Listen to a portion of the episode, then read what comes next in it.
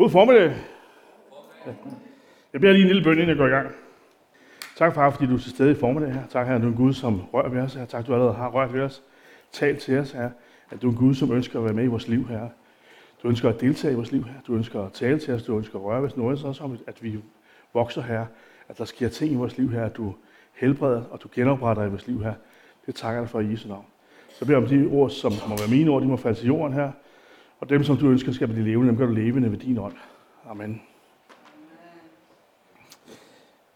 Vi skal alle sammen i børnekirke i dag.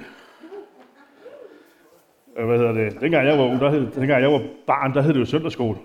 Hvor mange har gået i søndagsskole? Så jeg synes, det var frygteligt, man er ikke engang fri om søndagen. Der er nogle gode fortællinger, men det, jeg, synes, jeg kan bedre lide ordet børnekirke, end jeg kan lide søndagsskole. Fordi det var sådan noget, man, man skulle også gå i skole om søndagen. Hvad var det det for noget? Øh, og grunden til, at vi skal i børnekirke i dag, er, fordi at, øh, der er en masse klassiske fortællinger, hvad hedder det, der, der dukker op, når man er i børnekirke. Juleevangeliet har vi lige været igennem. David og Goliat. Øh, og så det, vi skal have fat i i dag, Jonas og valfisken. Den har jeg aldrig nogensinde prædiket over. I hele mit liv. Og jeg ved ikke hvorfor. Måske fordi den ikke har sagt mig noget, men det gør den nu, vil jeg så sige. Men jeg ved ikke, om jeg er i stand til at prædike i dag, for jeg har haft en, en, en voldsom oplevelse her til morgen. Jeg er i chok. Så øh, min kone, hun er ved at rydde op derhjemme. Og hun smed mine fodboldstøvler ud. Og så ligesom så kom jeg komme til stedet og siger, så, er der, så ved man, hvad klokken er slået, ikke? Når fodboldstøvlerne de ryger ud. Så, øh, så er man ved at blive gammel. Hun var så så formodet at sige, hvis det var, jeg genoptog min fodboldkarriere, så ville hun gerne sponsere et par nye til mig. Og derfor står jeg her lidt i chok i dag, og må jeg sande, at min fodboldtid den er overstået. I hvert fald øh, her, det fik jeg at vide her til morgen, og det har jeg jo slet ikke set komme. Så, hvad det, så derfor er jeg lidt i chok i dag. Det håber I kan forstå, at jeg står et sted, hvor at, øh, det her det er hårdt, og det, det, har jeg ikke lige, det har jeg ikke lige set komme her til morgen, inden jeg skulle høre på prædik. Ja. vi, skal, øh, vi kommer til at gå igennem det meste af Jonas' bog, så I får lov for noget, noget tekst i dag. Det håber jeg overlever. Og ellers er jeg sådan set også. Ja. Nej, men øh, vi skal læse noget fra Jonas' bog. Vi skal læse kapitel 1, 2, 3 springer vi over, og 4. Så vi læser næsten hele. Jeg kan så til dem, der ikke kender Jonas' bog, kan jeg sige, at den er kun på fire kapitler. Og den fylder kun to sider. Så, så på den måde er det ikke, sådan, øh, er det ikke så dramatisk alligevel, når jeg nu ser, at vi skal læse det hele. Så det håber jeg med på. Og det er jo sådan en fortælling, som, som jeg siger, den, øh, jeg kender den egentlig mest fra, fra børnekirketiden. Og, og der, den har levet. Øh, jeg tror heller ikke, jeg, jeg kan ikke huske, at jeg har hørt den sådan en prædiken om. Det har jeg nok gjort på et eller andet tidspunkt. Men det er måske ikke den, der ligger lige til højre benet. Og så alligevel, så har den fået liv for mig her i, til formiddag. og vi læser her fra det første kapitel sammen.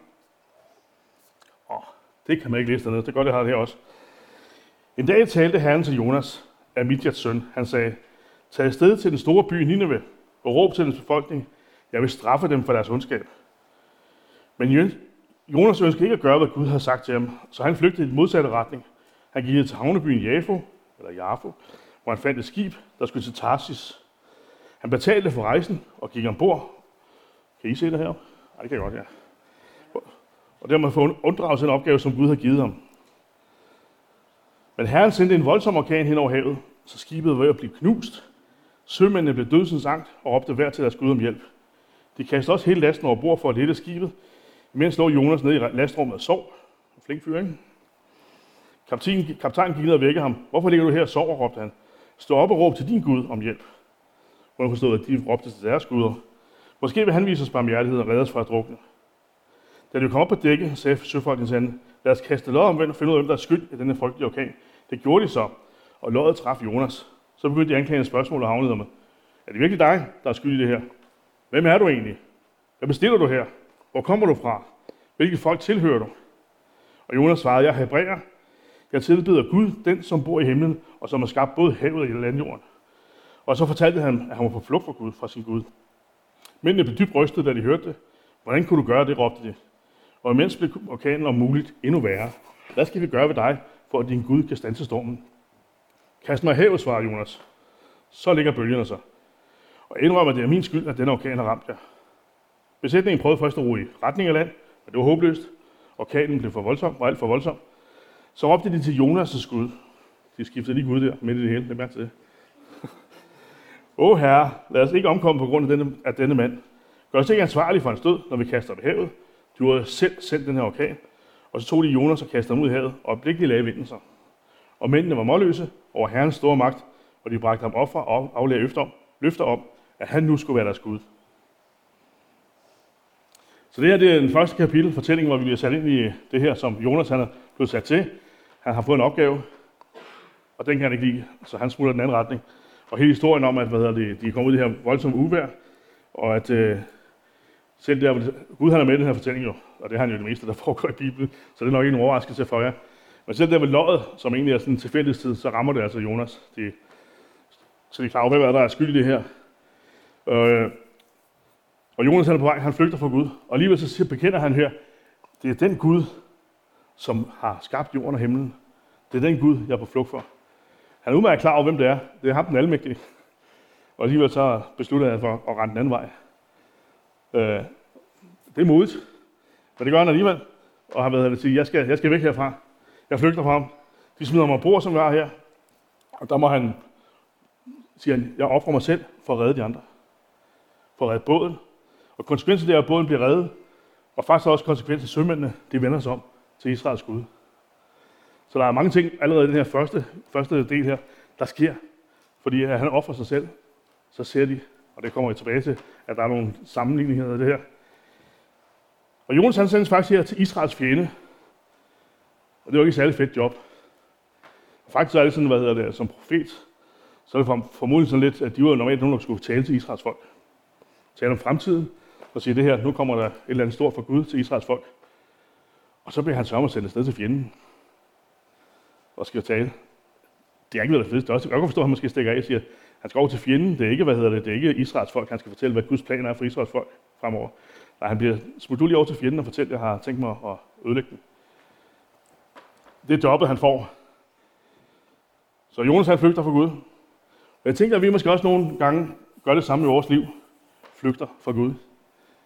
At når han taler til os, så i stedet for at gøre det, han gerne vil have os til at gøre, eller det, han taler ind i vores liv, så vælger vi nøjagtigt det samme, som Jonas han gør, og render i den retning.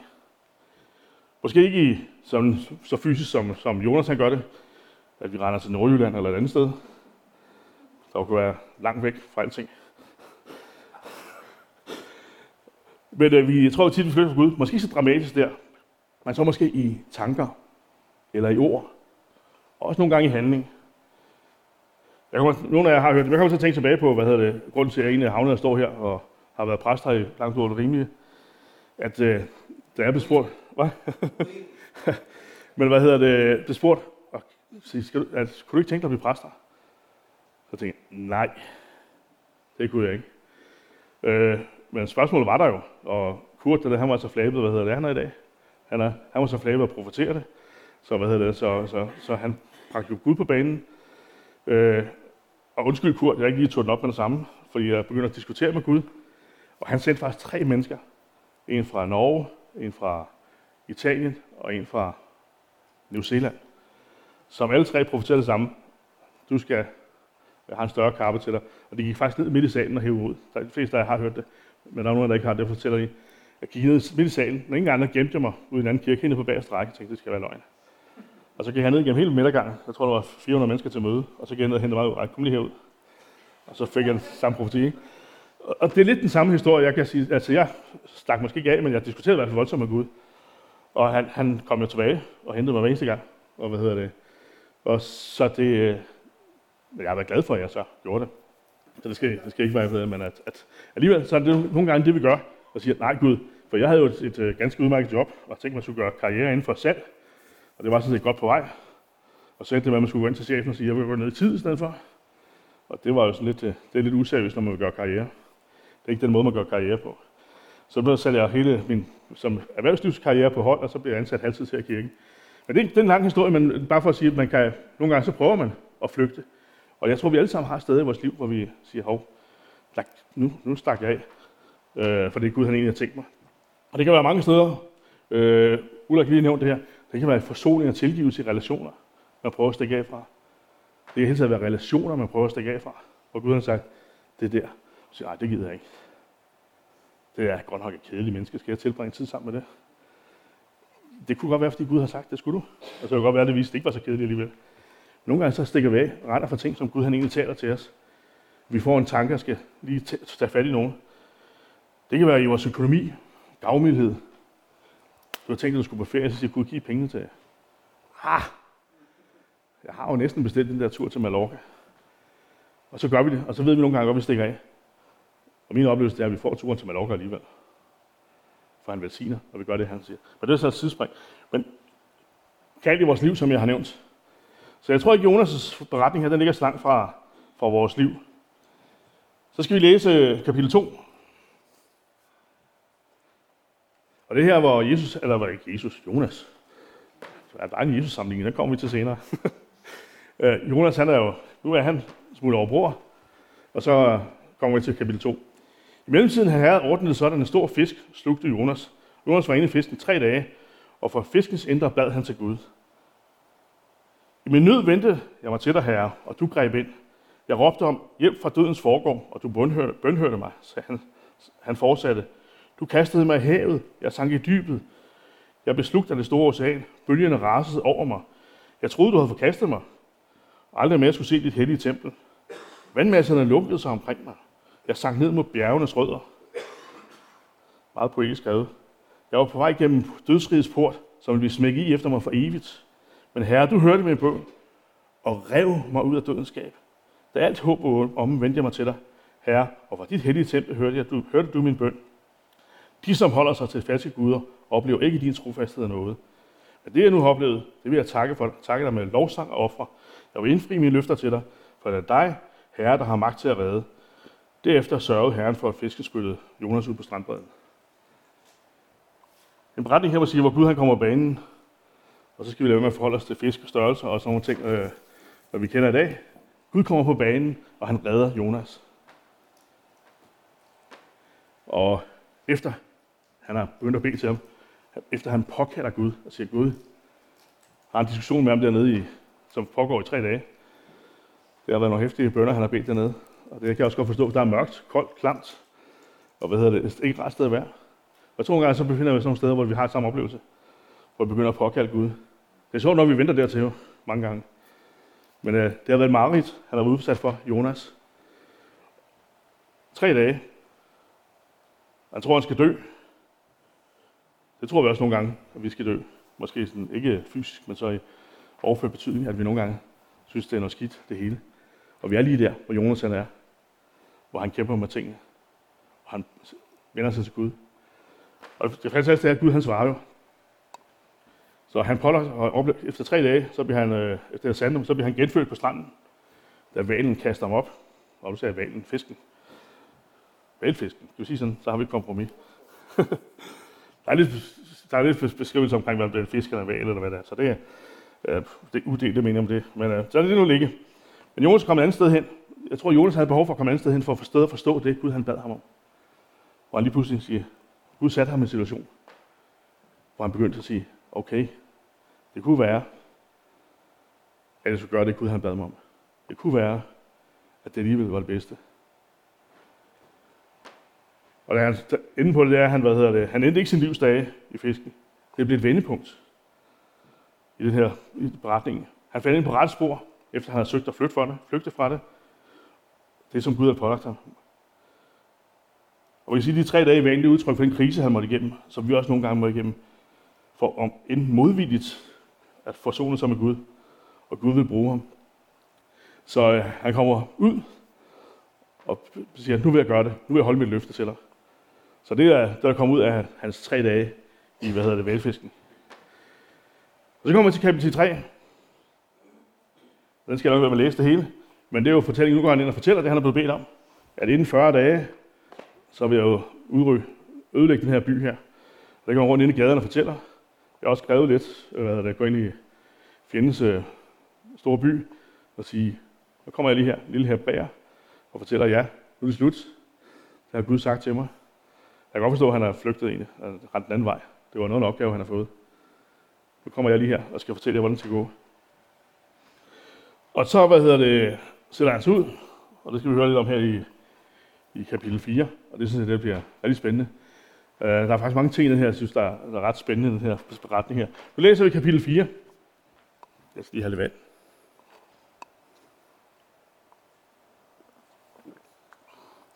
Og der står faktisk i den her oversættelse af Ivar Larsen, der står som overskrift, Gud giver Jonas en lektion i noget. står der så op? Ja.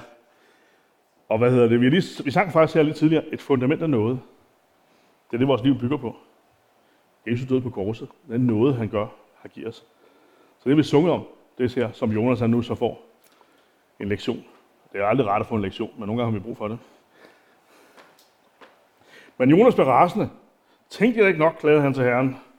Jeg vidste det allerede, inden jeg tog hjemmefra. Det var derfor, jeg hellere ville flygte til Tarsis. Jeg ved, at du er noget i om barmhjertig Gud. Der skal meget til, før du bliver vred. Og du er så fuld af kærlighed, at du tilgiver folk, bare de beder om det. Lad mig dø, herre. Jeg vil hellere dø end leve. Der skal være på den måde. Men herren svarede, Jonas, har du, har du grund til at være så vred?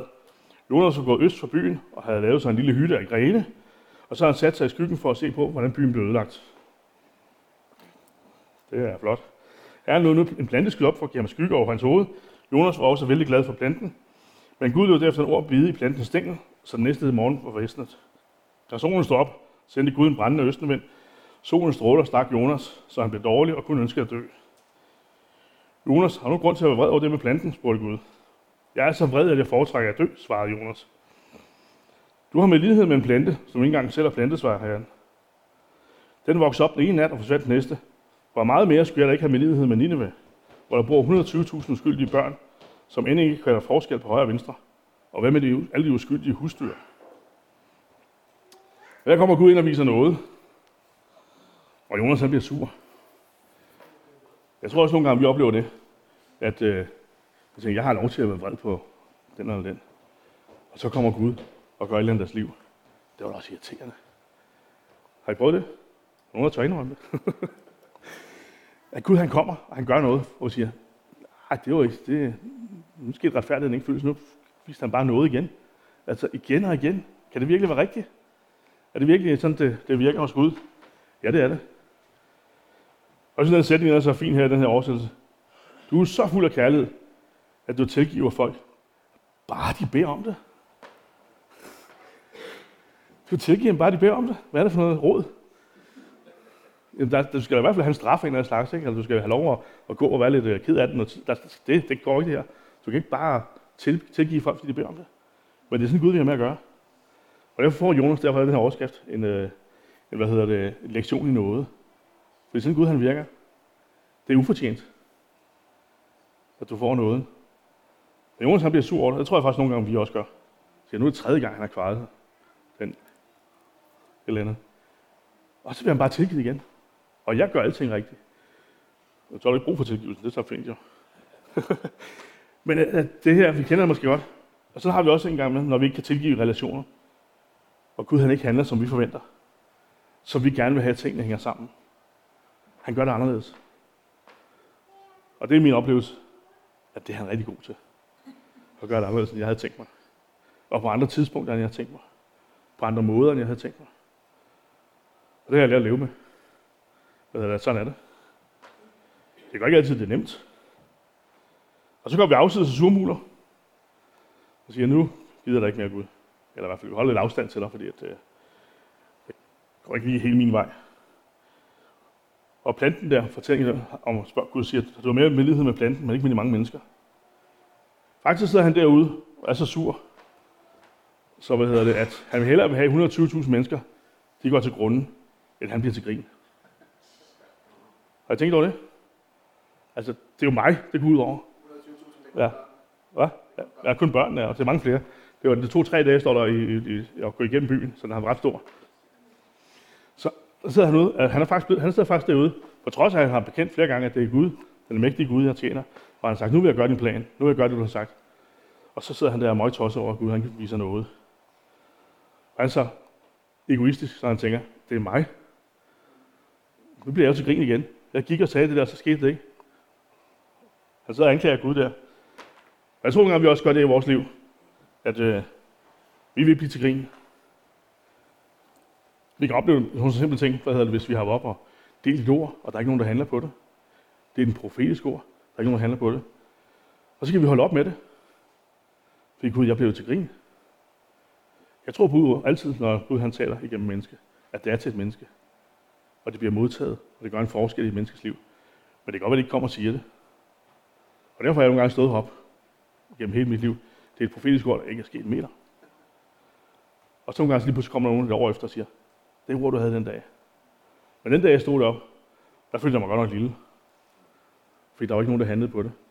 Og det er sådan Jonas oplevelse. Jeg siger, Gud, jeg gjorde det, du bad mig om, men der skete ikke noget. Og det ved vi ikke. der sker nemlig noget. Så der er noget som her, som i den her Jonas som vi kan, som vi kan bruge til noget. Og så til jer, der er dyreelsker, så er det jo fantastisk. Han tænker også på husdyrene. Så der kom, hvad hedder det, katten sværn og alle de andre lige på banen her, også i Bibelen. Fantastisk, ikke? Øh, og hvad med alle de uskyldige husdyr? Så, så vi kender de her ting i vores liv. Men Jonas' billede af øh, Bibelen, det her, det her vers er også en anden ting, ud over de her ting, jeg sådan har taget ud, vi kan tage ud af den. Det er også et billede på Jesu død, hvor han kommer ned. Og det er jo før, sige, tre dage i dødsriget, hvor han overvinder det. Han genopstår. Og Jonas han kommer ud for det samme. Tre dage i, Jonas, i valens mave, valfiskens mave, øh, og, hvad hedder det, og bliver genopstandet. Bliver pustet ud igen fra der, hvor han troede, han var død. Så det er sådan en tradition også i det, kan man sige, en kristen tradition, at det er det, Jonas' bog handler om. Jeg synes, der er så mange lag i den her, den her hvad hedder det, det her egentlig, jeg blev helt begejstret for den, selvom jeg aldrig prædikede over den før. Og faktisk er det sådan, i Matthæus kapitel 12, der refererer Jesus selv til den. Men Jesus svarede, under vantro mennesker forlanger tegn. Men den, den slags mennesker får ikke andet end profeten Jonas' tegn. For som Jonas var tre dage i havdyrets bu, sådan skal menneskesønnen være tre dage i jordens dyb. Nineves leder vil på dommens dag rejse sig og anklage den slags vantro mennesker. For da Jonas forkyndte døm over Nineve, angrede hele byens indbyggere deres ondskab og vendte sig til Gud. Og her står en, som er større end Jonas. Så Jesus bruger selv Jonas som et billede på det, som, som han gjorde. Og det, som de tre dage, han var i dødsredet, har betydning for os. Og det ændrer vores liv, som det ændrede Jonas' liv. Og så er vi jo ligesom Jonas, selvom vi får lov at opleve den der frelse. Da vi kæmper os stadig med det, ligesom Jonas han gjorde. Sætter sig surmuler under træet. Nogle gange. Og hele taget. Men Gud han er der jo hele tiden. Og han viser noget. Og det lærer Jonas her. At Gud han er Gud, som tilgiver. Bare vi beder om det. Jeg synes, det er en fed sætning, den der. Så øh, Jonas' kan man sige, nedsænkning havde peget på korsfæstelsen. De tre dage i fisk stod på Jesu død. Og Jonas' Jonas, kan man sige, da han kom ud af fisken igen på opstandelsen. Men det er også et tegn på vores dåb samtidig. Så der er en, endnu et lag på, kan man sige, at øh, vi bliver døbt, vi bliver neddykket, som vi siger på et godt gammeldansk sprog. Vi kommer helt under vandet og kommer op igen. Ligesom Jonas røg fisk, ligesom Jesus var i graven, så når vi siger ja, så har vi også dåb med vores øh, måde at, at bekræfte vores tro, og vi bliver genopstår sammen med ham. Så, så den her Jonas bog, der er så mange ting, der er så mange niveauer der er i den her bog. Så jeg bliver helt begejstret for den. Jeg kommer også til at læse den nogle flere gange. Det vil jeg gerne op, det også til at mobilisere lidt over den, og sige, den er fantastisk. Jeg havde egentlig tænkt mig, at vi skulle have noget forbund nu, hvis du har en, der er flygtet på. Men nu har vi for, har forbund så mange gange i dag allerede. så jeg tror, vi gør, at vi synger en sang, og så hvis der er nogen, der har brug for forbund i forbindelse med det, jeg har prædiket så gør vi det her bagefter heroppe foran. Fordi nu har vi lige haft det to gange, tre gange næsten, øh, forbøn. Så, så vi gør det på den her måde med det her. Hvis der er nogen, der siger, der, har, der er noget, jeg har talt til dig, at øh, jeg har været på flugt, og jeg er stadig løbet væk fra noget af det, som jeg godt ved, at Gud har talt til mig i liv. Så vil jeg gerne bede med jer og sige, at det her det er noget, som... Og Jonas' eksempel det er, Gud han kommer, han redder os. Selv efter tre dage i mareridt, så er han der. Og han vender tingene på hovedet. Jeg vil nogle gange fortsætte lidt med at kæmpe med tingene. Det er sådan en side af Hvor er du hen i forhold til Jonas i dit liv? Amen.